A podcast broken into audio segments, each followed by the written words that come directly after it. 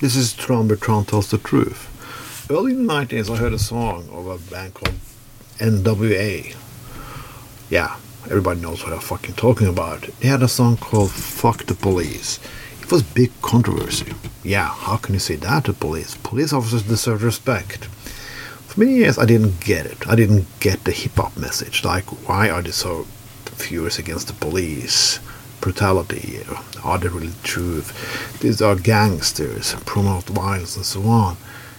But in later years, I have come to understand why. I did it long before the Floyd killing.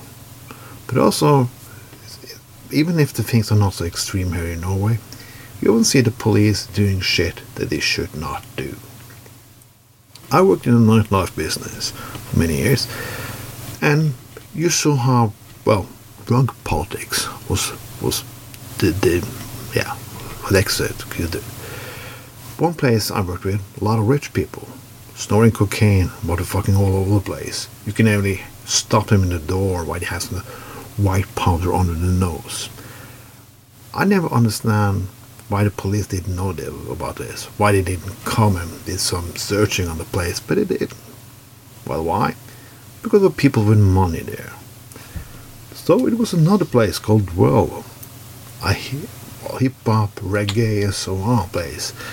And there were a lot of people there promoting, yeah, you know, smoking grass or cannabis or marijuana, what the fuck you say.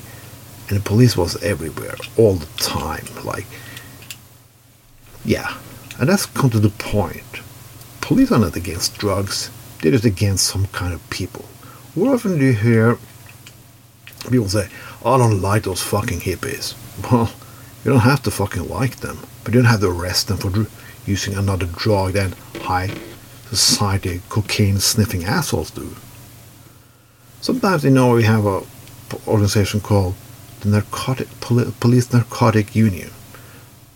Well, sometimes they act like there are police, but when you are in this organization, they are not having the police rights, but they're taking their rights, and nobody is against it because they're against drugs.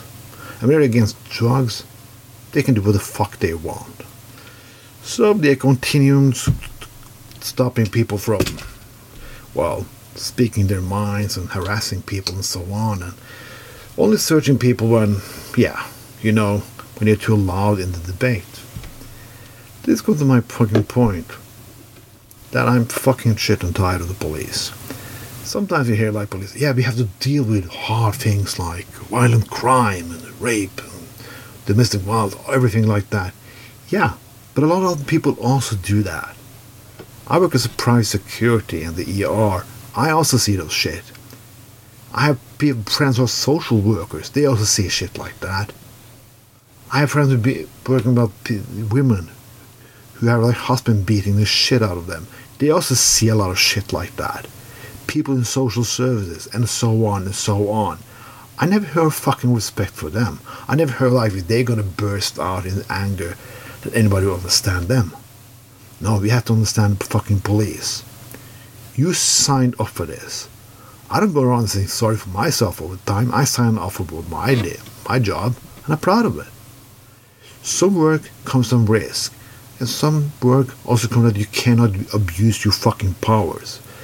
You have to stop, police have to stop believing that they are the people who make the laws and we have to be scared of them.